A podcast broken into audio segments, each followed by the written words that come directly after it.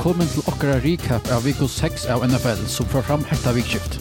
Et vikskift i nekvun gauun og spennande diston. Vi finko en 2-3 oppsett og gjørt at 8 ligger avsikra nu. Og flere backups quarterbacks gjørt det godt. Man må sija, any given Sunday. Til tekken som lurt etter okkon og som møvelig lurt etter okkon fyrir fyrst og fyrir, så får vi ta tossa først engst. Det mest er å komme og bruke ønsker vendinger som finnes og være brukte i dagligere tale til det kommer til NFL. Teknisk uttrykk som rikker best å bruke i opplående form. Vi får takka saman om distnar og leggja særlig fokus av hesa distnar. Seahawks at Bengals, 49ers at Browns, Eagles at Jets og Lions at Buccaneers. Øysene vil en MVP Power Ranking, og til sørske sa vi om Vik Shea. Men først så byrjar vi i Tøyndon og Skavon. I heter Peter Hansen og sitter her i stovene til medversen Axel Kappberg. Utsetten Agnar Presta ved vi og i mikrofonene. Enda derfor, velkommen til NFL Førjar, sendingen om amerikansk fotball Aras 2. Og vi er øyne løgt ut av Spotify under NFL Førjar.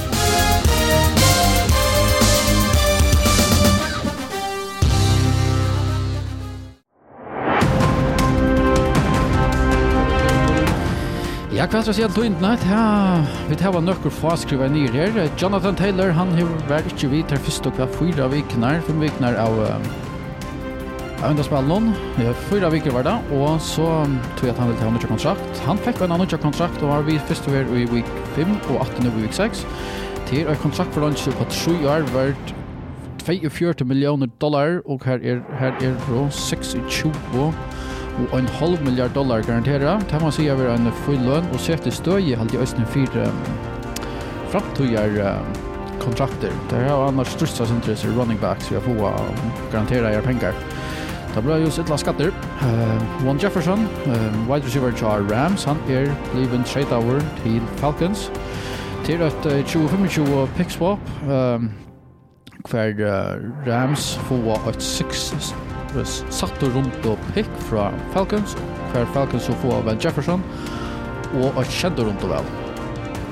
Og så må man si at uh, fotballturen han lever. Her er uh, flaggfotball er kommet som en olympisk grön Eller hun kommer, hun kommer den Hun kommer uh, til USA här olympiske løsene i uh, 2028. Det vil si at um, ja, Jeg vil si at OL blir en stortligere jetter. Uh, Ta, vi får flaggfotball, det er ikke det samme, men det er vår uh, større forståelse for i sporten, og kanskje få flere AHA i at det ikke er trende fett. Så det vil jeg si at er størst. Uh, annars er snakka det er halvt ikke, men skeianer tar rappla inn, og vi sender ikke så vi går.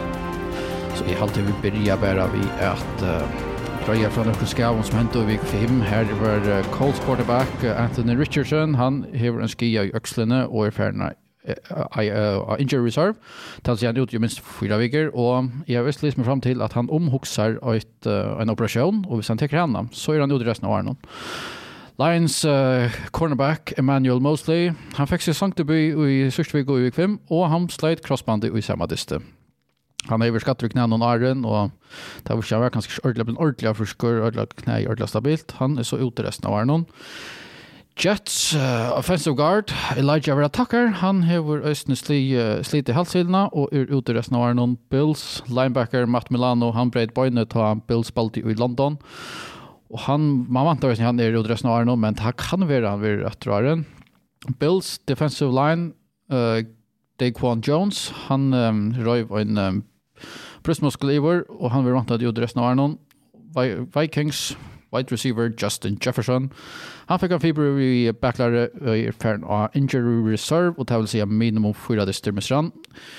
Og så er det Østene Miami som nødja stjøttene, uh, speedster, Davon Achan, han her finnes skje i knæje, og kjem vantna det hjemme sannakker viker. Og Cardinals running back uh, James Conner, han vil øyla gå for the Cardinals jar. Han uh, er også finnes skje i knæje, er ferden av injury reserve og minimum fyra viker. Uh, Og så raskar jag ner som är då kommer Hesavikna i vik 6.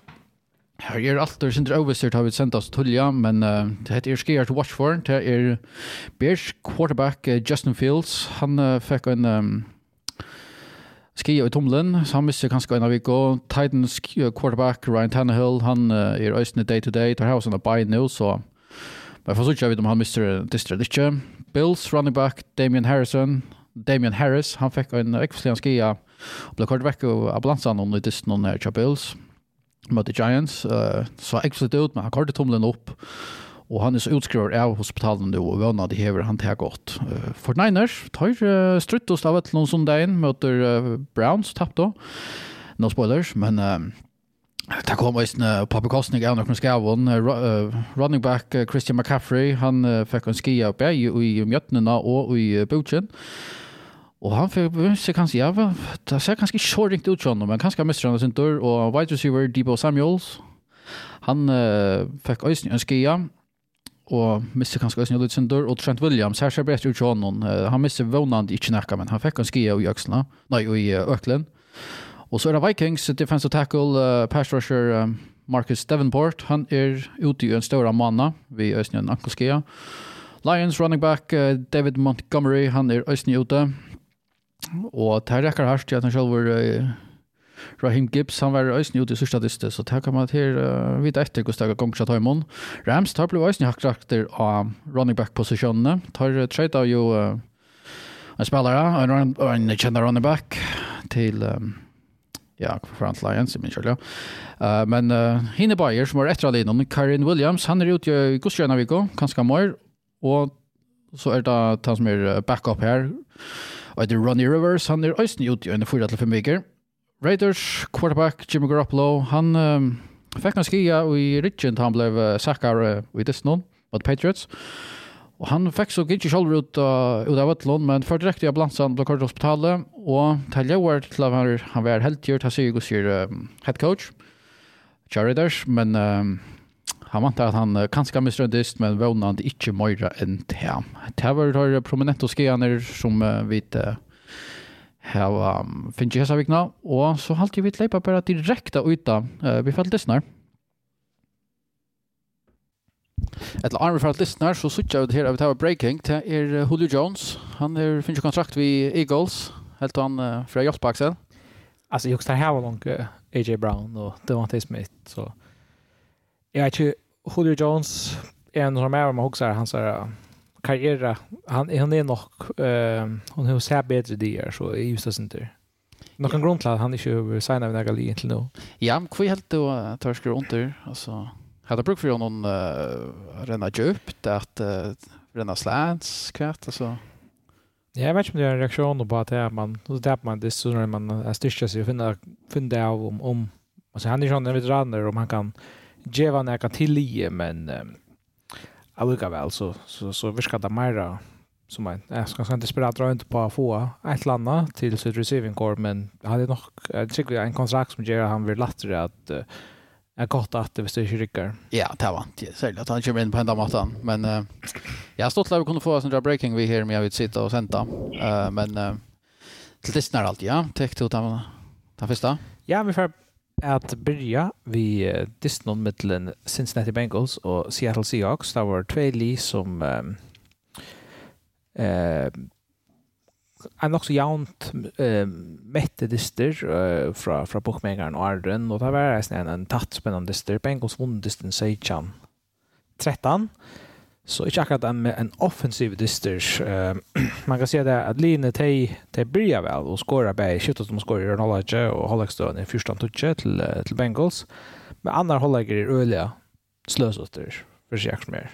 Altså, bryr vi bare å kaste en interception og Seahawks her var først til en interception i red zone og neste var det red zone som skårer det field goal få att bulten i ändan av fjärde quarter och stäcker i, i red zone nämligen ja. Och det är sånt interception cha cha Gino Smith som ger Bengals som stod han och så så där kom upp och, och lägger sig åt uh, 13 som vill ända lite men hickar man ett Seahawks så här var där fem drives som kom i red zone men skor ett touchdown. Och i Örnhåll inte tre drives, tre steg. Så tar Erikras er nok om at tar bort følt til at tar bort vunnet en av distan mot Bengals. Ja, ta ta förnemmelse är så att vi tar tar man hook till att det är ontalet att Seahawks inte klara det. Eh, av en annan distan till att uh, Bengals är så så flickvant ut som man hej vänta men sjönde. Burrow här en uh, skia och kan strös vi en, shot man inte ser det lugga väl nu då för första veckan alltid. Nej, alltså, oh. så, så det, är, det är bättre. Det är framgång då. att Det är helt säkert. Chacha Bengals. Men uh, main passion är kosten som, som Burrow ger. Det är stadigväck stort kost. Alltså under 2 yards uh, primärt. Då. Så ja. det, det är olja farkost som man kastar djupt. Uh, och, och till hur näka som han hur går till. Nämligen jag funnit Jamar Chase och, och Hinbar Boyd och Higgins. Um, så till liksom ett element ur allobnon som som som manglar men men det ser ut till att Tarluka väl har funnit en måta att är få skapt allob och på och till att vara effektiv och på tamatan så så nu alltså nu är det tror tror i men ja där är det och så tar vi i AFC och vi spår kan bliva friskare medan han spelar löna. Han det kanske inte är men uh, hvis han blir bättre och bättre ja. så är alltså detta ska bara gänga gott i ända någon. jag var någon faktiskt som är där Så tar tar i en vi men um, jag hade inte ordlat det samma Bengals liv. det som är du väntar jag så inte Arn Arn uh, Kappengar för gång då. Nej, släkt men jag hade just nu kudos till defense jag ser också. Så klart då Vi 17 år att det gått styr av Bengals och sälja uh, alltså Jamar Chase. Och Tekens, han spiller helt en gavende stadsresor. Han spiller helt enkelt gående stadsresor för uh, han har två reception för 20 yards. Men han center till att uh, kan man säga, en kontrakt år. Uh, så han har börjat släppa spelchassar upp för uh, Öster för Bengals särskilt och för sin egna skilt. Ja, så det hade vi såg för lite ifrån alltså ja. Bengals offense. Uh, simpelthen, hvis man teker alle under någon, hvis man, du vill ikke alla stats stats, statline där men som gick rätt han en i rätt. Man ser för lite från dem. Det är för lite explosiver. Ja, så jag hade Chase och han säger man det. Alltså han han han häver Flarding av resten han kastar 13 för den resten någon efter efter efter Jamar Chase till något till något snake var ju då han så här 530 koston men att det som jag hade till Higgins har haft en skia vi vi rivja benen och och rennespel det att det fungerar öjligt land nästan vi vi Joe Mixon bättre och som man kan godt løyva seg at uh, er sånn skeptiske om, om ferda nu at genga at du må se selv om det er tru, tru, så er det faktisk attast divisjonen. Eh, tog jeg til linje klarer seg så vel, så Ravens tar, tar kårer jo vi gjør det, der har vi lange eindist og eisen internt imot, imot Bengals. Så til er uh, kappingen er rævlig hør i AFC og man skal man ska helst vara 100% så man ska ha möjlighet för kappa vi kappast vi hinom. Men uh, det är bara week 6 som som vi Ja, jag tar ju tror ju tror ju så det hade vi kanske skulle säga. Bengals alltså. Nej, akkurat. Eh, så till till får inte klara att ta imon. Det har alltid jag vet som uh, kom bjöa utsätta någon uh, välkomna under sentensen han borde vara Jakon. Yes. Tack för det. Och alltså, jag har alltid ösnat det intressant att at Bengals faktisk også vinner en deres kjære år. Her er det kanskje ikke dårlig spiller så veldig vel, så det er faktisk få en sier uh, Og det som også er interessant er det at jeg har bare nu. Så sånn at Bengals også spiller ikke nas week 6, og det er bort til at han sier Gio Joe Burrow, og han må tog til å komme fire eller ja, mot Skans manöver att att att han att, att han inte spelar nu ska spela det så att borde det borde just då när John på det bättre så så jag, jag hoppas att det spännande nu i UFC och så det är så snart är det är gott att det flyter med en par skier nu nu fyra så är det mycket om att att det är klart av något sånt där och så jag så det kan märka för det så ehm men så sen väl går det liksom som nu så räcker det topp nivå uh, att det kommer kommer att det var den bästa linjen av UFC men men men bara nu är samtidigt så det rotar jag nog fläck back för schaften där tar vi annan stil. Det var sagt att sen vånen tyckte jag haft där man rör evil till han där by week och man så man kan säga vånar på och kommer att friska men han får en ordentlig utfordring mot att där Tarpell utbanda mot Fortniners han kommer att i week 8 och så mot Bills att han har Ja. Det är tvärdister som man, man hoppar att man kan vara vi i och det har vært sånn en, en styrkesprøve for, for Bengals. Um, for å lykke oss om Seahawks, um, tar här imponera med inte vad jag gör. Jag vantar i det att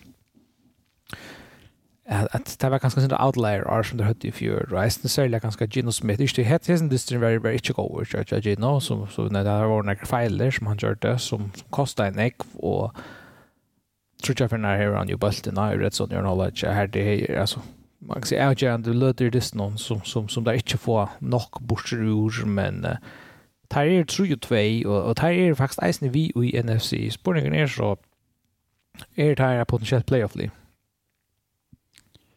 Du vel så tjatar få att det eh tar vinna inte nacka här men att få eh jag går sätta wildcard. Ta stod i mm. alltså jag vi står steppa Lutsen drop där. Vi är överraskade för inte jag sälja Kenneth Walker vi öliga går som säger Gino Smith vi inte vara suverän eller vi är suverän hända det stund han hälsen för lunch på bollen. Och mot vad han player så det blev det inte Det blev inte ringt men han sprötte väl bulten runt i mitten att sina receiver eh alligavel och man skjuter av att ta för steppa spelchanser syndrom upp till hej förstås mer. Jag hade förra bara år. Ja. Till den nästa testen. Ehm för då som kommer att låta två uppsätt sig bänt. Jag har inte väntat det att Alltså det mellan Browns och för Niners att ha en dyster som vi får att, att, att, att prata om några säljer så känns det inte särskilt att man ser Browns då det jag backup quarterback eller third string quarterback PJ Walker um, där Sean Watson var, var ute vi ska ge Men uh, tar for jeg stedet ved sikkert noen, Nujan Sejan. Um, Brian Disney Sanders utla for Niners tar um, Cordia som vi er, der skorar touchdown av første drive, og Purdy som kastar en litt shovel pass til uh, Christian McCaffrey, og så så som han, ja, men nu, nu kører som annerledes, så tar skorar til 2-0 i Jørn Quarter. Uh, att han tar så viskar det små Browns variant som annars till er en rävliga stark variant som vill se över vi att det är möjligtvis den starkaste variant i NFL från en topp 5 variant tar tar lucka så 49ers nior och då har det rejst till sövn att det är Debo Samuel och Christian McCaffrey bara för att skriva det snom Och Trent William. Ja, akkurat. Han kommer ju natur men uh, alla galan ner halvor. Ja. Nej men, men uh, Max Browns tar kom åter speglar Let's just out 13 touch och så JP PJ Walker faktiskt han också står han fel kast interception egnar halve som ger för Niners ett instant red zone possession och där skorar touchdown till 13 sejan. Browns får två field goal drives så let's just out vi är minst och 40 sekunder efter och så ständer Brock Purdy till testövne som vi då ett sport att han skulle stanna i man kan säga åtta ansut supporting cast alltså av all star alltså sköttne spelare hon och vi är uh, 18 för och färden upp och vis att tvåest Mauren som kan föra för den framåt inte tar hon långt så och han för sig drive som ända vi en för yard field goal som tar så bränna tyvärr men där kan han kanske inte kontrollera men till så spårningen kvätt kvar um, Katsir det den för Niners. En sån det som heter Ja, alltså ja, man går finnast ert akkurat när field goal någon tror jag att alltså tar tar stanta ja en eller här. Kan skjuta ta field goal ta kan 40 sekunder efter 45 sekunder efter och tar renna bollen och kommer gå sälja vi och så får du in på ner tar ja. alltså tar ger inte för att pusha så för att alltså här här vill sagt här Purdy körde skylten att man känner han borde just åt landa för att rätt att han står där fullt ut på kickaren. Ja, alltså kanske kanske synte för nej kan jag vill säga man okej pröva lycka och så så täckte field goal visst du. Visst visst det känns det att du att alltså field goal in the distance det är men Men ja, det var spännande att söka nästa dist. Nu har han så tappat en regular season. En, första, första, ja, första ja. start där. Uh, nej, ja, den första, första disten han fullför rösten som han tappar. Ja. Uh, för att vi ska att han ena disten tar kvar för den ena tappade, men du glömmer ju ölen Niklas söka nästa dist. Vet jag hur hur han röstar. Ja, alltså. Han strutsar sig inte men väckre vi är helt körda till det. Man tar om, som du säger, nej, sen inte. Nu får jag införa Brock Purdy momentometer. med Det var klart alltså han han spelade så bäst artist i karriären sist vecka mot Cowboys som Eisen här en extremt god varje. Och nu kommer han så in och spelar Nog alltså han var klart han var bäst nu sån här karriär ja. Men men alluga väl kan man säga. Nu nu nu visste man så till att han Alltså omstundar var extremt rolig. Han blev pressad av resten eh, fyrstan ut av de 31 för att kasta. Och som sagt, Ange Debo Samuel och Ange Christian McCaffrey i, i stora parsta distan. Och han förde lyckat i position till att vinna distan. Ja. Trots allt, och utbanan mot gott nog en Sheridan Browns lie. Men alltså, så Iver Arna så är det champagne distan han spelar. Alltså han, han har ju 12 och 20, 125 yards, I touchdown, en interception. Det är inte det är inte en god dyster för en NFL eh, quarterback. Det är det trots allt inte, men om han i ändan ger något som är positivt. Ja, vi också vi också nämner att det är en chans. Att man kan man kan ta det på två jag tror att som det är eh, vi att att man spelar på party och då eh kan man säga utan de det bästa vapen i så kvar kan man säga. Är han så är alltså bara en en en mial eller mer vanlig quarterback i NFL han är skilt här eller så kan man vända det vid sig att nu tar han så är det förstående. Den här ska det utgöra som Axel Linja tar han så inte tar spelaren ner och och kan man så döma på sån läge efter tror jag att han inte smäcknar att få det gjort. Så nej alltså jag aldrig man vant vänta en en en spelare spelar för att alltså i var skakingar och hade ganska det första som eh som bara för det han inte spelar upp så att nivå är nog så att han gör något för att lika så väldigt stund så eh men men öliga alltså det är nog så vilt att att Cleveland Browns han har en så bra idé eh att få får vunnit från det stället och kör en quarterback som som menar går och spela i NFL lägen det att han går och och ställer sig upp från Nick Chop från det så eh att det mot Bengals är det spännande mot NFC North det vi att att här är faktiskt alltså för eller så kommer vinna bäst på inska mat där. Eh och så San Francisco Niners som har inte varit nästan orörlig att ha faktiskt nog klarat att tappa att ha tappat som första det som så nära omstånd eh att det faktiskt är ja, men så säger. Det var ju sådär man kan säga att att Christian McCaffrey har extremt stor antydning för att det är alltså både i passing game och i running game gott nog. Men ja, alltså jag hade att alltså som man var kritisk innan innan Brock Purdy så får man säga ah, här kan nu blev han liksom eh man kan säga exposed alltså time time man spelar lite att ta tar alla hinner runt om dem men, men man ska verkligen om man ska ens efter vi att, att definiera när kan spelar i NFL ut från en distans Alltså vi får ju att se att det är Jalen Hurts som vi får oss upp nästa. Han spelade en annan dist. No, han är ju skor eller så. Alltså vi tar se han spalta. Vi tar se han spalta i en Super Bowl och vi är ordentliga går för Eagles. Alltså we are if you're men Så vi kan säga så där var Brock Purdy som över positivt men men så han det man kan säga hvis man var ute så här man ser är han en topp 3 quarterback i NFL eller inte men men till mig ganska diskussion, är han inte god nog till att vara en starting quarterback tja en championship league. Det är alltid i stadväck att han är hast allt ut från det som jag säger men Sean försöker här för som en säkert sig flera för när.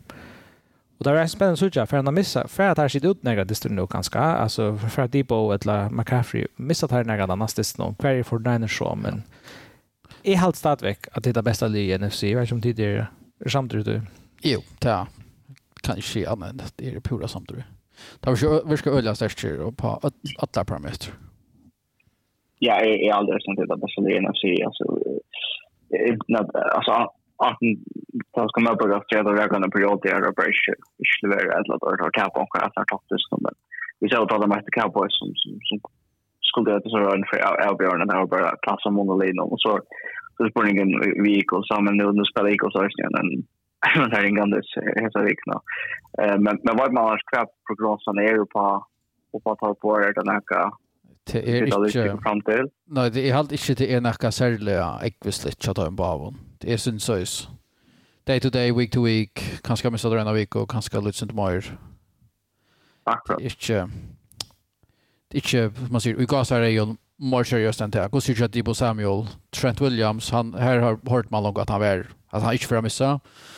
Så er det lugga Christian mm. McCaffrey som er det ganska mer i hva sant. Han fikk skriva bäge i, i mötena og i bøtjen. Ja, men uh, vi får ta som annan uppsätt näst som uh, sagt, uh, Eagles tar for til New York og var, det var stor favoritt der her reisende, men enda vi har tampet det den 2014, så Lie tja Dolphins från 2012 slipper att fira till att det är en er det eneste linjen för som är undefeated. Nu har vi ett linje tappt en dist i NFL i år och vi är bara sex veckor in i Kaffengarden och det här reisen in där nere. Som man säger, any given Sunday vibes yeah. att uh, alltså ett kunna vinna mot Rötlen i NFL. Det, det såg jag vet bara. Man behöver vara bekräfta att och att närmast. När, när om kvarje vika, men i Rötlen för alltså vi någon alltså när vi någon får vi smittelbilder så får vi några såna stora uppsättningar och inte. Det läser också att det är först för sig Michel så säger jag ett archan att inte det är 6-0. Ja. Ja, ja, jag minns helt klart att ja, att det är rätt att göra någon. Alltså att inte lira inte fittet än alltså ja. Det är ofta väl åt som kör i löp i den löpet ja. bussier. Ja, så får man alltid spekulera av er att här. Alltså jag kunde gott också med ju att att Fortnite är som kandidater till att vara sig noll, men det är bara för dikt. Det är bara för att göra i alla fall. Det är det.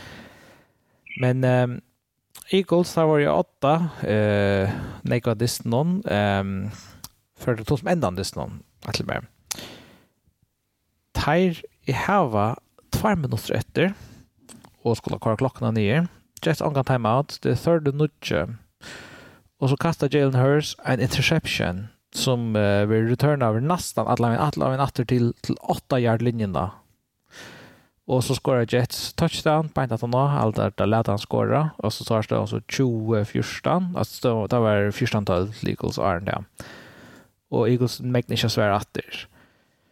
Så man kan säga att om man gör en så katastrofal brölare så är det något som är, är, är värst att, att ta sig om till. Man säger att det är nog en av de största felen är att säga lunch i NFL. Um, Ödel för en intill sa jag så ända han håller inte med Giants Bills men det var som sagt men så så så så lunch vart helt inte nej men det är heter ehm det är två ting ut.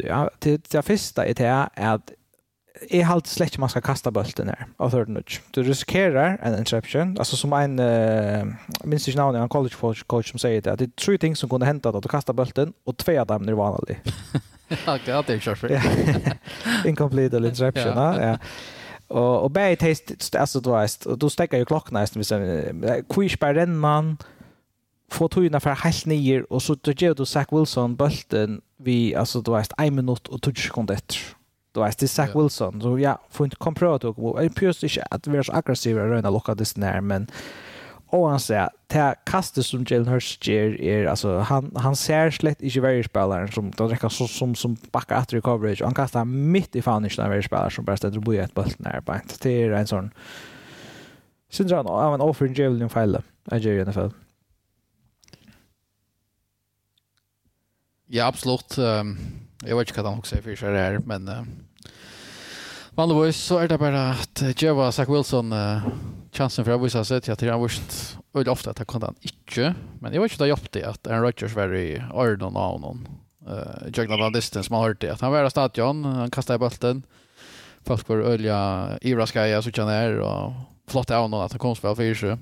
Men ja, det har jo så vidt søvn at han var her og hjelpte. Begge Nathaniel Hackett, uh, offensive coordinator og Zach Wilson. Men det var inte ordentligt, ja. Så, så Eagles jag, jag Wilson, ja. uh, utfordrar Wilson här, går ja.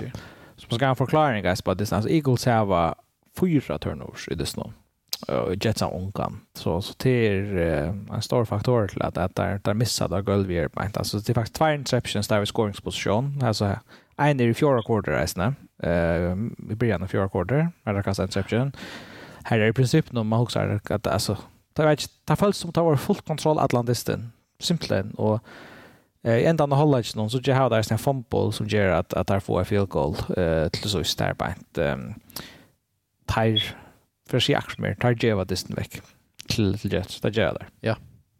Men det er Jets at uh, klarer å mot Eagles hva skjer, og det vinner vunnet mot Bills, week 1 och knappt är det tror tror ja. och Aaron Rodgers han han kastar bulten åter i väg till alltså för jag som alltså nu ska jag nu känna en en en lagt som brukar neka to tog Achilles i ruptorer så det är lite vad jag säger då men men det är vanligtvis en öla länge dryck för ska jag komma att fra. Ja. Och isen från som man som utrottar fjäppar ja, så så blir det att man säga ett år eller att man vill snäga det ringaste men han är han konkurrerar alltså och ja. det han är ju en alternativ metod men eh, sånka prognoser ur kjelder ur uh, deltene som han ble uh, behandlet av ta så om at han møveligvis kan være atri om en måned. En måned langt, ok. Ja, det er tvær. Ja, ja. En måned eller tvær. Det virker absurd om hun er nærmere. Det er alle. Ja. Det er ikke det kjørst. Det er jo ikke, men altså, det er simpelthen, altså, kjelder fra timen som är behandlad. Ja, det är ju minst man, ja. man har inte tagit akkurat han blir behandlad att man säger kanske playoff. Vi ska klara oss så längt. Uh, Men det är flott hvis han klarar det. Det var spännande att se. Så där ser jag, alltså, ja, men det är möjligt för det att han kan komma att göra. Uh, ja. Spurningen är så sånt det, alltså, ja. Tänk man att spela efter, ja. Det är absolut absurt. Man är framme i rummet och, och, och, och hoppa innanför ett halvt ärn någonstans, alltså ordentligt. Han är, ta, ta sin anfärden till Jag har då play här ganska en trudja månader och så här då är vi alltså en någon. Jag har då slett inte släpper att att bruka benen närmast. Ja, ja, akkurat. Ja. Det är så det månader. Ja. Nej, men det är en alternativ metod att det är brukt på ett år. Och det kan syns inte kolvältande för sportsmedicin nice när hvis hvis hvis du kan söka att att att return är så kött men maten han spelar på spelar att här var maximum mobilitet nu det att det verkar som orealistiskt men men imponerande väl av Mm. Jets av position så då man kan säga Eagles eh är detta ordentligt bekymrande eller bara lutsande bekymrande Alltså Chiefs är ju start att ha mot det. Jets. Alltså så är det att att Jets är vanligt liv eh och helt snett att där kan man säga att en tatt quarterback eh så är det så att det också lycklig eh snackar om dem men men jag vet inte att det är också alltså jag Eagles behöver akkurat för och också väl är något som så ut vad vad Rams kan då bara kasta den och då det kommer på komma upp och allt det men men tack för för det bara att han det snälla kan också. Trick så James stitches och det samma med Vikings till det kanske gör någon är nog tycker sig i shot om Vikings mycket som det mål så så det kommer in klassen i uppgave och och bara inte det säger kanske att det är alla eh som vi känner då inte kvar som ganska alla eh så på samma då är det också kan man också spela med men det var ju kus stor man ska vara för critical så tar för att kom play off så tar för gå ut topp tror ju vi ser ting någon ehm men men det tar jag för en normal till att man ska klara vinna mina teater Super Bowl och vara bättre än San Francisco 49ers. Som nog skulle vara ehm men eh men jag har alltid bara att AFC än NFC och syns ju slut nu Ja, en liten uh, stort land stat till andra distan östne. Till att uh, Bojan Quincy och Quinnen Williams bara fick ett uh, interception och om att det har varit list och så som varit list tar fick det bara östne interception. så okay. jag vet inte om säger det att man får omnat det stoff där. Inte nog så vilt det här är ju alltså de linemen alltså det är inte ja. Alltså det första för det var hänt så igen det hänt ena för i NFL för och ta var det två alltså Babben och Bajchar som spalt i kursen lige. Eh att det var två Bajchar som fick en turnover samma där. En takeaway. Ja. Avvärst. Den sista listan vi får ta oss om in depth som som vi kallar det till er Lions som vinner 26 och emot der Buccaneers. Två lag som har överraskat sin där och jag kan vi gott se. Ehm um, men Lions hade nog rättliga gott kontroll av det någon ska löva mer se. Vi såg en um, jerk off och i så någon um, vad säger gå gå är så ju helt säkert från från jerk off is this någon um, han uh, Han kommer att stäva i 303 passing yards och två touchdowns, två två länk touchdown kast, särskilt till alltså ett till Amon-Ra St. Brown och så ett till Jameson Williams som är åter tar um, first round pick från i fjör som har vi haft att sitta ute vid, vid när karantän och fjör där snäga vi vi skiar och så har det um, Jag har spela Er, uh, Lions är det inte ett li som uh, som man faktiskt ska bli tagga sin allvar och i i NFC. Så det att han har vika ett där men alltså absolut. Det är fem och ett. Ja. Det är inte jag ser att det var go, inte så go. Alla go. Golf is bara det jävla va. Absolut. Alltså Amara St. Brown är rejält nu. Han 140 yards. Och som sagt, alltså Jameson Williams är bara Sam Laporte har där. Hade Einstein first round tight end. David Montgomery och det här var en annan running back, Jamar, Jamar Gibbs från första, första runda pick som helt inte var visst det men så alltså det är tar er ja, du shape starkt alltså ja. Det offensiva skyddene det är det helt säkert. Eller gå linja där tar eller gå linja och tar en särska välja det och det sådana här ting som sådana jump things som också gör att man, man, man kan vara eh man ser klar till att, att, att, att djupt playa från Eh, nu blir man kommer så så skatter och till sånt där dåliga eh chill så där men men vi känner ju ut i morgon några få veckor och och Jimmy Gibbs tar track in. Så så kan det lugga eh kommer vi vant att fortsätta rymma samma att så och som som bättre än jag så har jag som quarterback på som är, är runt i NFL och och man kan skapa det och inte med att hur så går man faktiskt kan vara och så lite ut som gör Jared Goff så Nej, alltså absolut det är där är Lions Elise ska man ska vakta vid nu när inte eh att det ska hitta ett som precis då så det att tycker stadigt att det är verkligen så att det här att att Illeger ska stadigt sättas och sen så att ingenjörer bara det såna så vikna men men att Lions har sin cover i mitten där det är toppsida av linjen NFC det här att tycker det när det. Är helt det att så spyrt mig så så är 49ers det bästa ligan men bant att han har så här har vi Eagles, Cowboys och Lions. Jag har alltid här ser tre linjer, linje alltså skum skulle är är lika som den, den nästa bilchan av Leon och så så för, så hoppar du ett ett gott glopp ner att åter är så för att ta sig in linje men äh, man ska börja att ta om Lions som vi gör om Cowboys och Eagles. Jag har alltid är uh, alltså att det är ett topplig i NFC um, och där tar spel öle väl, tar väl coacher. Och knappligen som man säger, Jared Goff, han visar sig att vara öll förrän eh, inte nu, eh, alltså, eller inte where you are och det går vi för vi är sen. Bättre att han tar en quarterback som blir trade där, alltså mittlen Stafford och, och, och, han. knappligen har tagit han tar nog bättre quarterbacken. Att han var inte att Rams tar en granaka att du tar vunnit en Super Bowl vi vi Matt Stafford. Men, eh Och är det vi borde finna första round pick för att vi har finnit Jared Goff och vi har Peter Tosse syndrom heter det här. Är Jared Goff den bästa quarterbacken i NFC? Ja, det hade jag alltså jag tror inte så jag några andra som kan komma komma på han på en nu.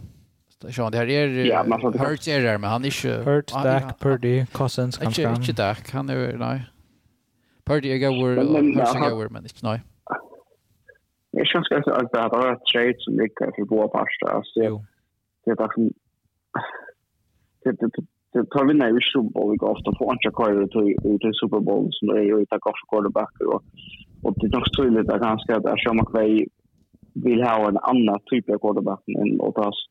Och Lions och Stafford var ju liv i kanalen kan man säga. Så, så nu, nu har vi så kan man så säga okej eh kallt för Ransburg han sa nu. Jag hade faktiskt han med efter till, till att stå här. Han är inte en topp-topp quarterback i NFL, men han kan spela väldigt effektivt mot han är shoulder uh, är frisk och kan finnas kuppa kapp efter. Och, men här Lions är faktiskt en quarterback som, som då kommer pitcha på. Alltså, han är gott där draftar till Sage. Han, han är väldigt tjugo år, så han är mycket värre efter USA. Och, och ta, ta golf kan man säga han han inte ska göra allt uh, så kan han vara en quarterback som som man får en ekko sjur, men, men jeg tykker nok snakker kan avsøkning av med handel om hvis man kommer ut til lunch, det er Sjalt som linjen går og sjalt om her og kjenner ikke så, så jeg må komme med en så effektiv running back og lykkes han til akkurat av maden for spil på.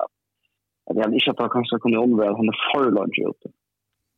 Jag läste sen där på så diskussioner så vi vi vi Brock Purdy och och det vi har var goda spelare under dem så till er otroliga fire quarterbacks som är goda allt och jag har sett kan där de säger alltså Mahomes, Allen, Trevor Lawrence, Justin Herbert, Lockshore. Alltså det, det är verkligen, alltså, man kan ganska nämna Trudjar som, som är alla är är hänger av att här är den här spelare runt om det.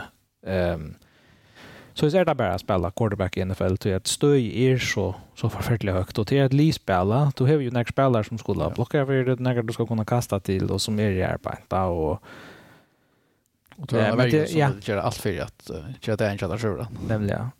Så, men det är ja, imponerande, eller ja, fascinerande vi är. Jag tror inte, som man kan säga, Berlin är nog glad för det. Det är, det är något så slut. Mm. Um, ja. att, men Buccaneers helt stått. Hetta var så en, en Öljan vanlig distri fra Diamond og eisen fra, fra Baker Mayfield som um, James Davi vil ut jo ankunde i stisten men um, der er 3-2 og hava en leistelna i divisjonen, bare at det er filter av um, Saints og Falcons som er tru og tru, og er det enn, og kan man si, i førerposisjonene til å tagge seg divisjonene. Det, det, det er alltid er at det er, at det er det, det bedre, beste lia, kanskje, ja. Saints og en god dag er en utfordring til der, men det har vi, det har vunnet jo mot dem, det har vi visst det at det er, ja jag har alltid där är jag vant att det kommer playoffs som det finns så speaker spelar bra så det är fint så tycker vi att det tackat att det känner nu är väl också hyped på Falcons och Saints Iron men uh, offense ja Saints viskar inte ordentligt att få det köra 100% utan lycka mot Patriots med tider Patriots så är 20-23 det där spelade mot då eh så ja, hvis uh, begge klarar å holde spillet under klunda körande. så trycker vi faktiskt nu på Buccaneers. Lad oss ta som resten av det snön för vi är till en naiv plats ska jag gång av någon in det snön. Hösk notterna eh spalte Chiefs mot Broncos framför Taylor Swift. Så jag vet inte om du nämnt det, jag tror inte, men hon var åtta så hon är tror jag fyra nu och så igen. och Chiefs är en undefeated vi vi henne i attenten så det ser bara ut att Kelsey han spelar bara bättre bättre kvar för hon är rabant men um, nu kan åtta en ja vet vi skulle åh vad dyster eh alltså jag till att förn alltså tror jag skulle säga att så då på hugget det snart helt där men men jag tror att det man ser från hattar punkten där en plexi. Ja så Chiefs ja jag hade Chiefs här har sin trouble like on the offense okay det tar have insurance zero så det kan lita och det är allt det problem. Så jag tror att det som att bara spel eller av Pabloia Finland och det kommer som en robot. Um, och så Charlton Broncos så när kan upp i Patrick så tar han också så Rickard Bishop som är han är för enkel att attacka men alltså återfören är how det är det för tonne och att han där ska spela där ska Mahomes och och så för mer det bara kanske Richard Rice alltså som säger att det spännande ut han är rookie som uh, draftar är runt som kan bli väldigt spännande men Men det är väl alltså Chiefs kommer inte att vara det alltså hyper explosiva ligor. Det är väl igen något som jag som som vi vill kadera där och så the home som har lutat att Jay göra play som är nöjd för dem visst det. Det syns som är så bra att jag aldrig tar jag aldrig har möjlighet att göra ett öle starkt pass rush och och eh stäcka running game och eller alltså så jag ser mer en annan utgåva än Chiefs som vi kanske har det andra så att inte släga nästa år och bankrottan alltså, så tar rikkersillä suuntaan alldeles tyynyt, että, että så eh, sålde han några sådana lyssnare, då får man äka offensa korgar, så ser. Varenda bollen får inte nog serien och per gång får inte stöd i skripta i att första serien om lyssnare, men men också Wilson och att det är aldrig känna. Jag hade gått om Joe argument för det att Chiefs hava möjligtvis det här vanligaste wide receiving corps och NFL i ödlom för en botten fem det är inte fem som är väldigt wide receiver än än där här men Himwayn så har de Travis Kelce bästa tight end i NFL och Tom Brady var känd för att få det rycka in i mittlen vid några Ullan vanligen wide receiver men um, spårningarna blir ett problem då det kommer i playoffs um, det är nog näkers några som sitter och saknar Tyreek Hill snäck var på spekulerar vi är är helt att det att att det ska vara movie att göra att att att sända han där men um, han är ju vill att du att haft av kontrakt en. och Broncos vill ska leverera och ju Joe Grisen till till champion. Yeah. Det ser spänt ut. Han själv var uh, Sean Payton han uh, efter uh, vänner från Sörstör. Ja. Och det ser ut lätt komma på utan rövna allvarliga. Och i London så tog Ravens um, emot Titans och Distin blev väl utan till just men jag följde att det var kontroll Atlanta vinner. Ja, sen det som jag hade att tar 80 att vinna grejt mot Titans till att här är inte Titans är inte gott liga sagt några färre. Jag tror inte. Ja, Jover Tannell beskattar som jag nämnde i början och Malik Willis kom in och han spalt inte väl och Titans här var struts det är och en plexiger för Ravens som du säger. Få inte strannar så i chatter. Ja. Alla galt har var det. Det fick några för pengar, några för pengar där det som var där Tottenham Stadion. Commanders för 2016 av Falcons spelar in 3-3 nu. Eh men nej man där står playoff aspirationer så kör en av dem. Först distrin eh Desmond Ritter tappade. Ja, jag vet. När kan du? Ja. När du? När kan du? Okej. Ja. Østene, Østene college og high school. Ja. Uh, det synes jeg. Men, men uh, altså, det er jo, jeg har aldri mange av løsning til fire. Altså, Bjørn Robinson og uh, spillerne, altså, fem av de beste borsjordømmene, jeg har aldri ikke noe av de beste borsjordømmene. Altså, jeg har aldri det. Det er faktisk litt mangler, och mangler, som spillere som er rundt, og til sånn, nevner seg ikke et quarterback, men alltså, jag har större talenter, alltså running back och tight end, men alltså jag var inte sure på sin Jake Lonton, men, men jag hade inte fått något på det. Det ska skiljas om att det är skilja det, att det är rebuilding fas. Så man draftar running back och wide receiver första runt i två år, det trade för mm. Jefferson. Alltså, du är du, du är rebuilding lia, du ska röna finna din quarterback. Men det kan vi göra att det är klart att det är i off-season Vikings vunne 9-13 mot Bears. Jeg helt at um, Justin Fields for det skia, og så kom Tyson Bajent in. Ja, det är Och då satt där rätt sånt. Alltså papi hans är er hemsmästare och jag lägger arm.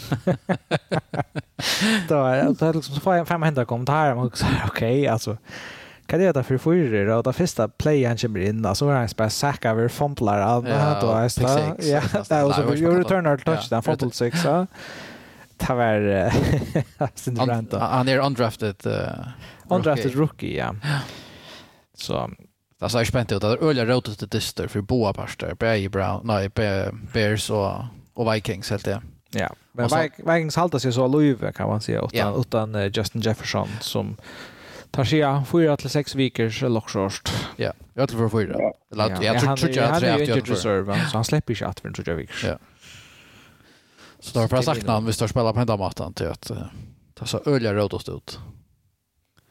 Helt det. Men nu är det så tar för ta vondisten till testet. Ta ta så distar ska man stå och vinna. Saints så Touch ju mot eller norska teksten står ikke mot Saints i Houston, og jeg halte at uh, CJ Sprout, han, Stroud, han, um, han spalte atter en, en gåandist, og jeg, ja, jeg er imponerer av honom, men uh, jeg sier det just, og jeg Saints er en særlig godt li. Altså, ja, det er noe som her som jeg vant etter for å være Arnare, og det er selv om det blir jeg nok så vel av etter kappegrar, så blir man så kjent jo at det kanskje ikke er så reallig pent ut av den. Ja, det går ju väl till offense. Det är särskilt här hade jag att att han ligger och inte steppar ordentligt upp och säger att jag är inte främst. Ja. Uh, Max Thomas är inte här, uh, Chris Olavi är inte, uh, Kamara steppar helt in.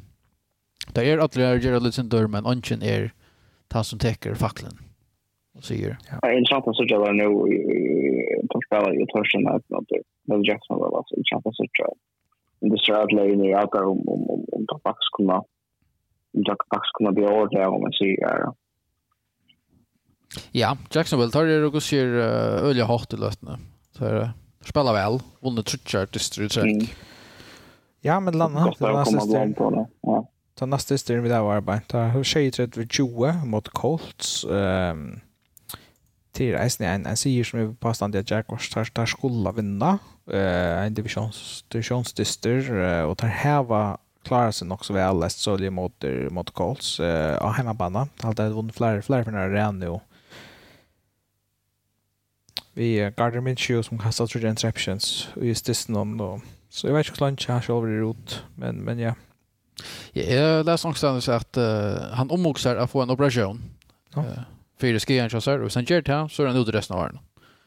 Men så inte vill få sig operationerna så är det inte så bjösen kör nödvändigtvis har ut så där alla några veckor.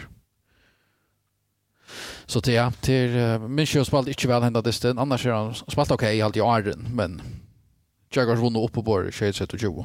Knappt lite Jaguars 4 och 2 alltså självt om där där tappade man den mot Texans som har bekymmer för där så är det faktiskt uh, nummer 3 sitter la tight för för tre plus i i AFC knappt lärande framför Bills med landa så det var lika ja. skaldant. Ja. Ehm um, Dolphins vann grett 42-21 og i måte Panthers, som er det eneste alliet som enda ikke har vunnet dist gjør.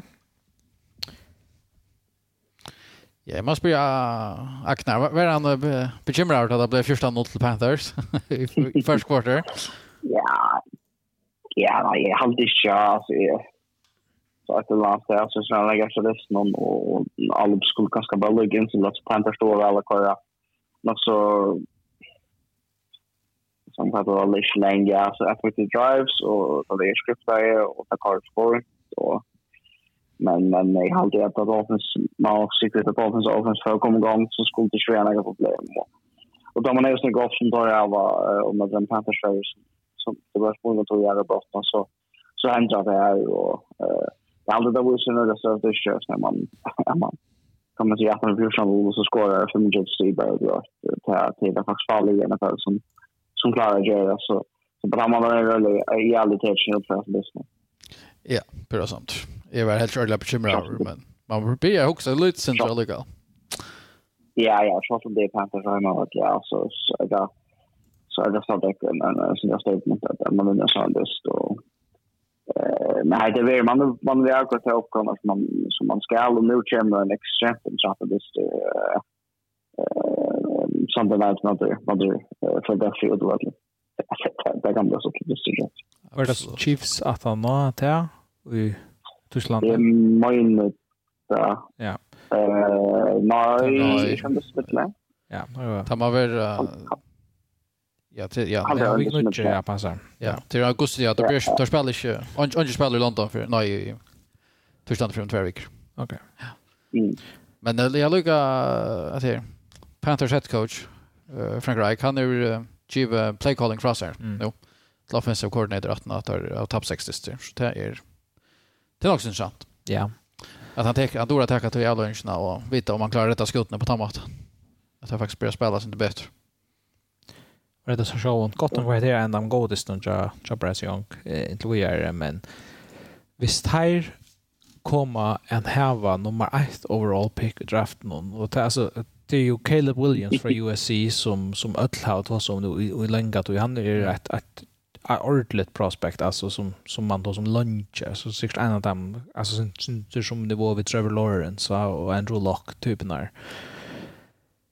Tar komma gott nog att enkla det är alltså där trade upp för för Bryce Young eh och vis man i processen till det här har vi givet det som ända vi affärer till Caleb Williams till Bears i processen där. Så. Absolut, men uh, Det är Bryce Young har inte sett ut som en NFL quarterback i Louis Arian, uh, we are, men han han är reisande öla Louis alltså öla laver och det är inte några timeout som som klarar sig väl i NFL.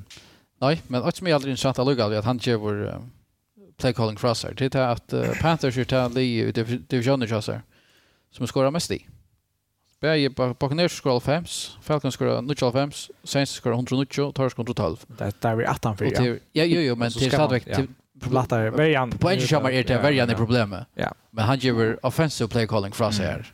Det är det som vi alltså tar 106 fors sti Verian alltså till neck mest.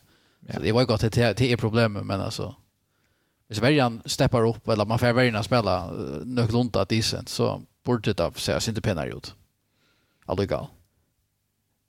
Jeg spør for oss om uh, Patriots som får til Las Vegas og tappte um, Seijan 21 og at han har tvær horribla dister tja, tja, tja Patriots. Så, så ser det ut som om at uh, tar man ser jo en ønton spiral på nu det ser forferdelig ut og særlig er det Mac Jones som simpelt simpelthen ser ikke ut som han har hjemme i NFL-banen.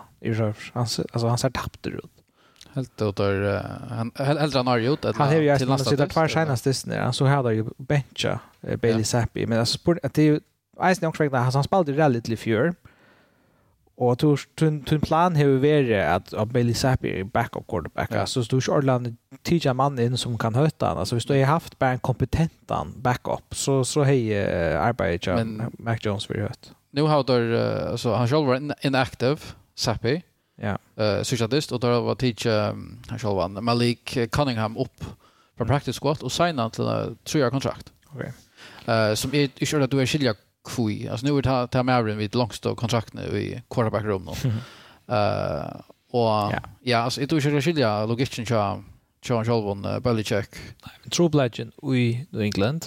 Det är inte Belichick vänjaren, det är Belichick sportdirektören, alltså general manager Bill Belichick. Han mm. hever konsekvent i jöknen det sista Nei, altså, tutsi årene tidsi vanlige avgjør.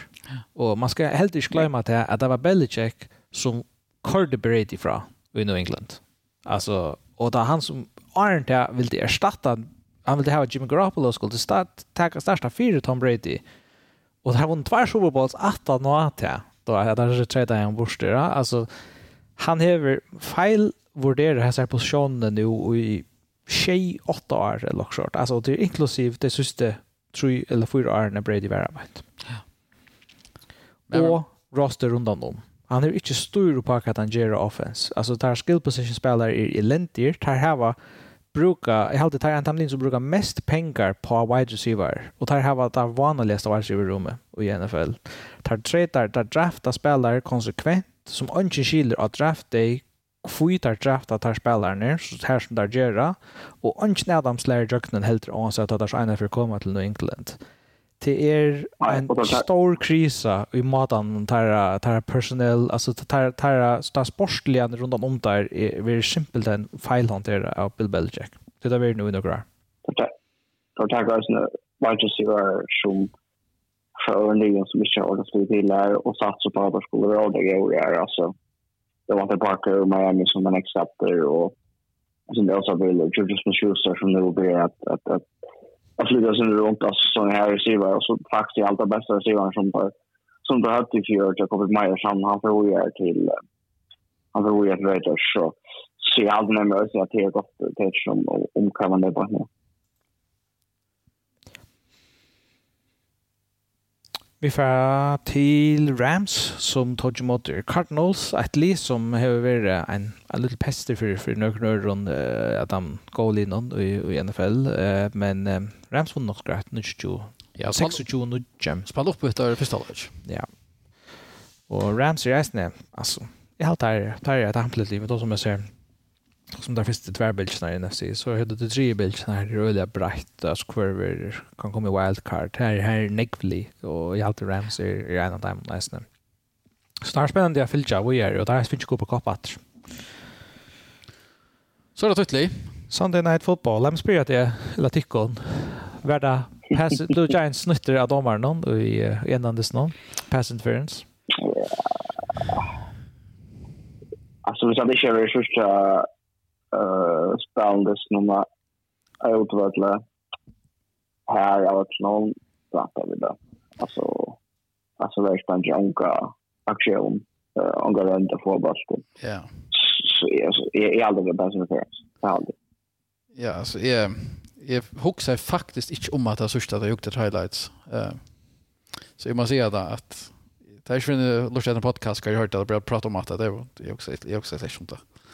Eh, det sa väl passenger för Arden så då kallar och, och Jag var jag haft mer via att att inte ta att field goal för lunch. Ja. Jag hade alltid alltså, man ska tänka på inchen för Till det var gången det går sånt dyster ut. Det är spärrat ja. Det är spärrat det som är trouble. Alltså så Giants är 8 är 8 6 och där så tar Taylor som backup quarterback till den Jones ut ski. Så där var det underdogs underdogs utbanan mot Bills. Alltså och då är är för man inte inte ska gidja. Det är visst därför för bank. Det var ju säkert på. Så jag tog bara mot netter. Det var näkt att han nära väntan för att vara men tar så 8-6-0 och egentligen håller inte sånt. och så får där drive till alla en norman och här bara en åtta linjen det är 14 sekunder efter Troblagen är inte att du fortsätter att skåra här men Troblagen är han att du ränner bulten första fair du du du har du möjlighet att ha tre plays. Hvis du kastar bulten incomplete en för det här då är och visst där visst där var tre sekunder efter det gjorde jag där jag har fått inte vet du Jag så okej du rönte att att skåra ett touchdown tog jag ja, då vill det gärna att du spelar mot Bills. Alltså det är inte till till gott ja. Så skiljer väl om man får rätt att skora touchdown. Troblagen är bara att han and ta det första sekund efter så kan du inte göra det. Så måste du minsta läge pröva att kasta bulten ena för eller tvär för arm. Ja. Eh men det som er, det visste seg at det var ikke, altså det var Tyler, Tyler Taylor som gjorde audible oppe ved line of scrimmage, Arjen, her han sa at, at, at, at, altså, at der høyde et ivetal til høyre, sån så, så, så tjekka han til et, run play men Brian Table var i øynene, og høyde der sparska field goal her, kan man si, så enda han dist at jeg bare skulle haft et field goal for för på opp og. Så ja, det var en sån hade en, en bitter dyster jag svälja som som Giants Shepard. Man hade kunnat stjäla han i mot Bills, men man följde att man domar sig ända när hålla inte någon och att man häver bulten och efter linjen och man får inte skora touchdown till vinna dysten. Ta ui, det var ett nog så tydligt defensive pass interference. Så att arm, vänster arm, mm. Waller, hala över nio alltså han färger sig armen uppa. Mm Og jeg halte ikke om det terskelen skal være høver for å kaste fløk og i enden av dysten dem.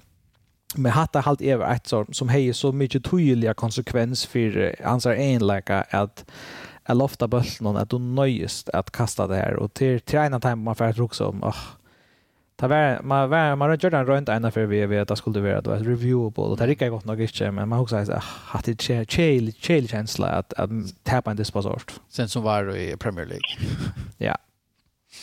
Ja, men alltså är är är också när jag tar kunna teach det in så han det så han det där.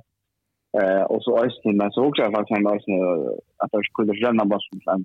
Alltså och så står det det alltså kui kui man står bak i passen och och bara måla kan det där alltså. Det är ganska bara sport just som inte är men men det har faktiskt en distans eller ja, att släppa bak i agent det alltså men alltså ja öliga flott ärliga grejen det. och eh öliga visst alltså nu har alltid man kan ta sig syndrom och stora nu i Buffalo och tror att alltså nu nu har bultspass för olja. jag har alltid faktiskt också okej Joe Drive start knowledge man for this offense när vi räcker inte och Men det är en defense som faktiskt uh, trackar upp på skulder och eh jag är ju alldeles upp upp på en där som vann det absolut ja, vi uh, fer til distance over natt. Um, Cowboys tar spalt i Los Angeles mot Chargers. Uh, vunne 20 sejan. En, en veldig spennende dister som kom nye til, uh, til der, der siste løten her. Um, ja, altså, hva var det? Chargers, altså det er skorer et field goal til, uh, til Sustan. Cowboys, altså det sejan, sejan. Her har vi tvær mot etter skorar field goal, og så har vi Chargers bulten och skulle fara upp att att att dra åt Jan eller eller jag säger åtta men Herbert kastar så interception och nog så tulja att driva någon. Så Chargers är knappt länge. Två tror jag men Cowboys för vi är till fyra och två. Och är knappt bara en dist att han för Eagles och i divisionen. Och har varit rätt emot dem. Ja, Cowboys är absolut det. Är med nej, jag ska om två veckor så spelar de mot Eagles. Det tror jag vi kan rätta så. Alltså bye week nu och så att han där Eagles. Så det är spännande. Absolut. Spännande han är ändå i divisionen till er till veckan för kapningen.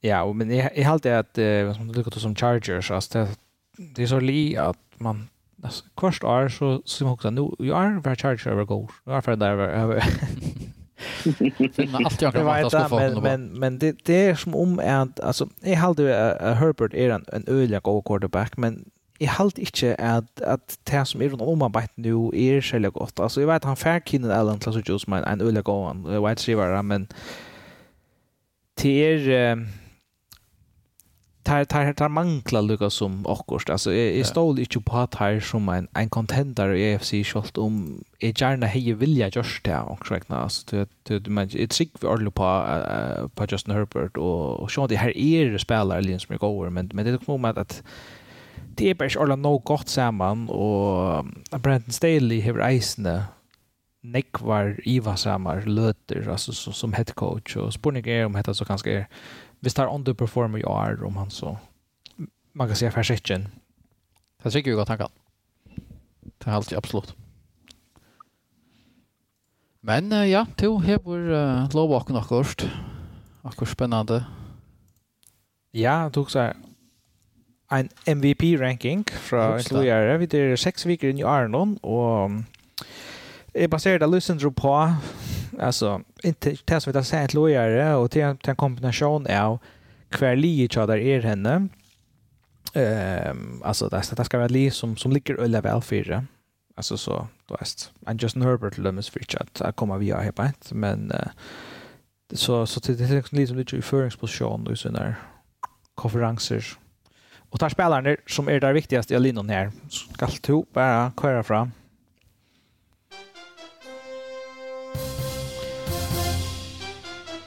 nummer 5 av MVP-listan eh är inkluderat week 6 där vi har sett Trevor Lawrence, Marin som eh, hejer en öle utfordrande början på sin karriär. Han har visst det att han han är han Marin som som vi hoppas på han vart han kom in i NFL. Han är alltid allt som han han ger och levererar det sista man kan säga sista året. Han är han är på allt. till bara vi att det går närmast ett runt så han ligger nummer 5.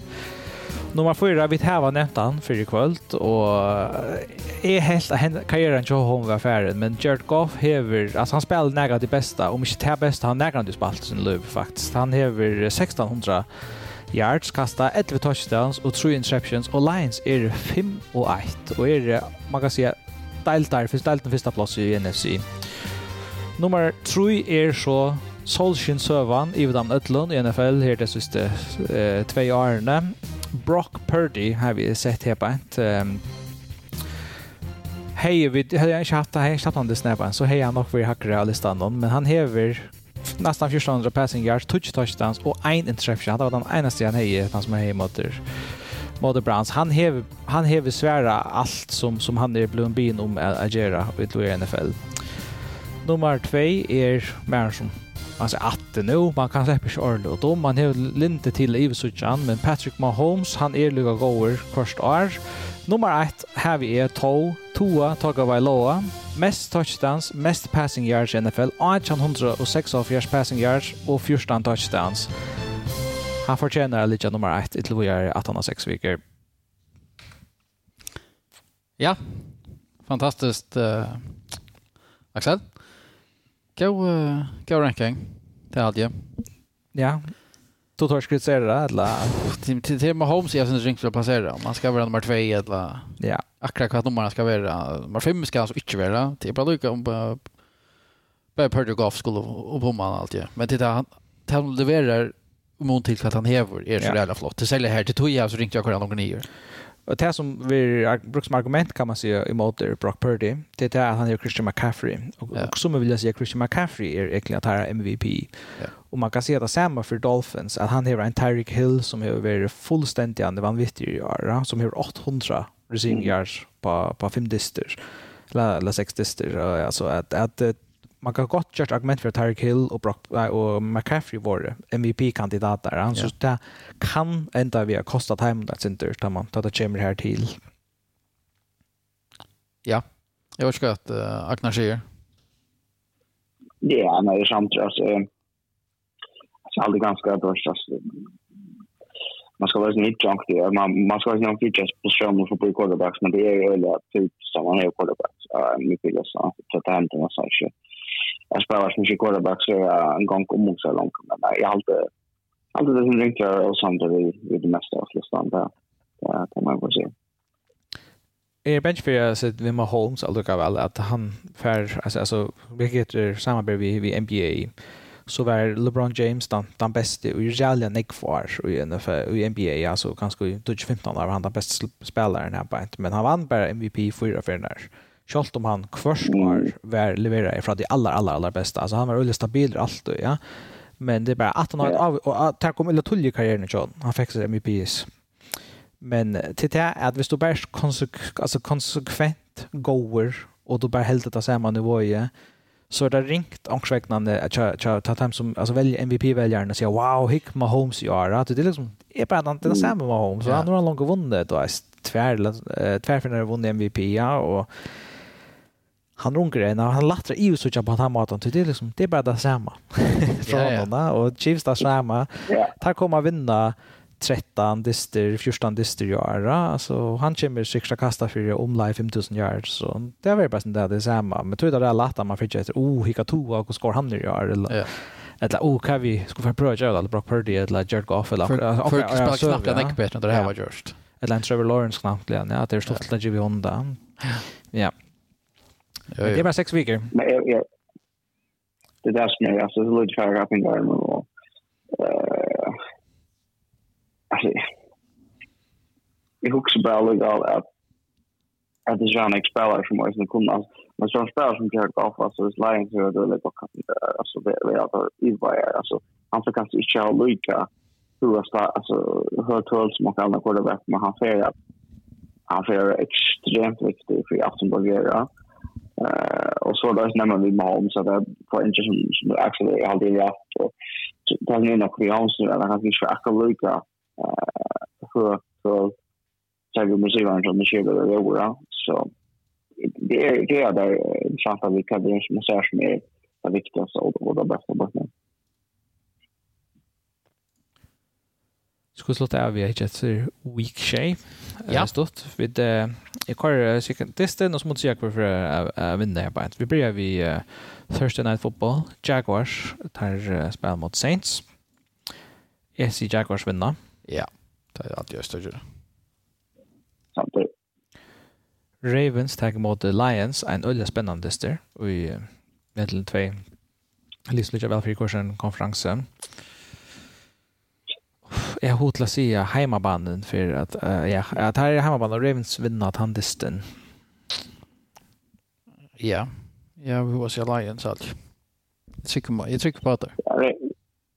Rams har man vet och och Lions också nog om vi gör ganska det har lufta edge till Ravens men det är också väldigt att Rams och Lions kan också reaction det är men eh, Rams pick pick it for Bears tar mot Raiders. Så Raiders för vinna. Ja, uh, han själv var ute i nästa vecka. Uh, Fields, så det här tar jag Raiders. Ja, akkurat. Akkurat det som nog för Alexander Bush, Bush, Bush, Bush, Bush, Bush, Bush. Här kan det vara vi får två backups bara mot Cornell just så det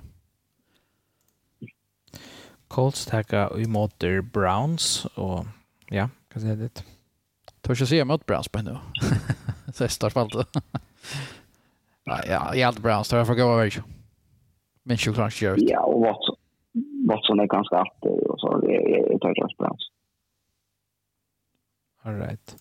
Är alltid är snärt att är alltid att att Browns för vinner det den att men Sean det kan man säga att han är så upptur så där lätt att jag kommer vid en ny tur att han har Bills färra till New England spär mot Patriots. Evant tar tar vinna grejt det heter vi en av dem. Goa Josh Allen distan. Mm. Ja, om Patriots har spalt illa tvär, jag tror jag första veckan här så spelade där värre hända listan tycker jag. Nu får uh, Pelta kvar rätt det tycker jag. Ja, det Giants taggar mot der Commanders. Spännande uppgöra. Ja, så det är för uppgör. Full full land krisa hvis, uh, hvis Giants tappa och right to sex så Commanders er för så så er det helt galt. Väntar man att uh, Jones för rätter, förstår du? Ja, uh, alltså man det är ju inte så men man väntar det. Alltså det hade mot så i en weird men då är det bara tusch tusch där det på där men ja. Jag väntar där för att vinna Giants. Jag startar bitcha weird på momentum från från Diston Buffalo. Ja, det går så öliga spännande det. Det är inte att säga hur ja. Kan för boa vi. Ja. Ja. Ja, och så Giants. Så tack jag commander. Ett som En andre divisjonsoppgjør i NFC Buccaneers tar imot Falcons. Spennende reisende for fleste divisjonene. Det tar disten internt komme over. Jeg vet ikke om det trykker jeg. Jeg vet ikke om jeg kan vinne mer. Nå ikke det styrer eller så. Så det er vi, ja. Jeg sier Buccaneers for å vinne. Ja, jeg er samt og vittere. Hvis jeg bare spiller, så som det er, og jeg kunne spille, så jeg tar vinner mot Falcons. Ja, det er. Rams tar mot Steelers. Ja. stila sig löjliga. Att han ringer och nu då som går spela så redan alldeles och och vägen kan leverera men men uh, jag syns inte att att att Ramsey har målet och att att, att Cooper Cup kommer vänta för det starter och inte har någon game så det är att det är Rams har nog kommit av det. Jag får se Steelers alltså. Jag tycker på att Hamlin. Det ju Rams. Seahawks tar på tacka i moder Arizona Cardinals. Jeg får takke Cardinals at Ivraska Seahawks. Hvis man skal si at Ivraska så er det noe skott og et. Uh, ja, jeg aldrig sier Seahawks aldrig gal. Tycker på Gino. Jag kan just Seahawks. Broncos mot Packers. Ja, jag går och säger Broncos. Nei, Packers skulle vinna mot Broncos. Det är inte Men uh, ja, hvis, er, uh, hvis Aaron Jones ikke vi, så blir jeg bra nervøs för att Broncos faktiskt ska kunna klara vinna. Men hvis Aaron Jones är vi så skulle där vinna, när inte smöt. Ja, jag har alltid äst att uh, Packers skulle vinna det. Så vana det är Packers inte väl. Jag tar ju Broncos. Ja. Det är det som jag också säger. Ena för mig Broncos ösnen vinna sådana distrikt. Jag bli att tappa. Chiefs tag mot Chargers. En har varit disters. Uh, så Chargers li som hur öjligt brukar den enda disten. Um, har han några chans? Ja. Det blir spännande att ta dist mot Chiefs. Det, det har det gjort. Jag vant det där vi har tatt dist som Chiefs vinner. Ja, jag tycker att det är alltså vi söker och ser. Och kontroversiellt brand Staley är ju alltså låt oss om av det. Det räknar vi där ett landa. Vi också ah Vi skulle den färre efter det där fort och toucha snackna fjärde. Ja. Ta mig fram och för. Ja, nej, jag visst Kelsey har en vanlig andel chanser så vinner Chiefs men hvis ikke så så klarar hinner inte släppa upp in i receivern. Ja, det passar ju. Det också att jag har honom men jag vant på Chiefs har man lite lämna så som Chargers är snäll på henne och tar man klar. Så man kan själv så det skraftar alla vinner som nästa. Så er det Eagles og heimabana mot Dolphins Sunday Night Football. En uh, øyelig spennende dyster, så vi har langt flere i årsgrann som er rahavert der. Eh, mm. Tvei topplige. Det er formentlig. Ja. Uh, jeg tror ikke at jeg ser at Eagles har noen pekk var fem, kanskje ikke føler det svære behjellet. Altså, jeg vant at jeg var rett tro på tja, tja med, men så er det av den, tja. Jacobs och så sprang undan början som shootout och eh det man tyvärr ser här i Kosmell som förut att det är något som jag alltid avsvenska eh sammanlagt är farligare och mest stövligt i skolas i så så här i Kosmell som förut. Ja, det är det Det var spännande dyster. Det för att säga, fortäll också något snäck om kvar det innebär, eller er då, allt det, ta, ta han över spaltor. Eh, Eh, till att säga hur så linje linjen kunde kicksa. Dolphins mot Bills och Eagles nu mot Jets. Uh, så det är spännande. Men ja, Dolphins är nog för ex explosivt tycker vi till att Eagles klarar. Klarar det. Jag har Dolphins är det bättre ligan. Ehm men jag har Eagles är jag hemmabana. Där är tropla spel mot där hemmabana och där kommer några svär och lästest att att han har tagit mot Jets. Alltså är är har hotla sig att vinna distan tyverre. Monday Night Football. Vikings taggar emot der 49ers. Um, ett Vikings-liv som hever øle bruk for ikke at blåa 2-5. Altså det er det må man sier, men det er for Niners liv som man rekner man svær at der. Ja. Att han är tappet her. Jeg vant det var för for Niners der tar tagga en grej greie sier det. Det er alltid ikke Vikings så ikke alt for størst ut. Nej, tar mangler så, så bästa vapen. våpen. Det kan være for Niners mangler ett eller två avsyn av våpen noen kanskje bästa. beste. men ja, för Niners er øya vera forstørster till Vikings. Ja, det är sant, tror jeg. så, så, Niners har haft, nei, Vikings har haft just Justin Jefferson, det er det beste. Man er nødt til å okej, ok, det kan bli rettelig cool, men yeah. at det bare er noe som det er nå, att få Niners på jeg, for det er själv om det här var McCaffrey och eller de på Blåsson Fullands framme, så har det vært en få Niners skyld. Ja. Hva heter det? Jeg halte det. Sendingen kom da enda. Vi tar tjøkken ikke nekker dyster og gissa om vi går om vi går tjej og vi finner en MVP power ranking uh, fra Axel. Etter å si at vi suttjast atter, eller vi høyrast atter i neste vik. Bye bye.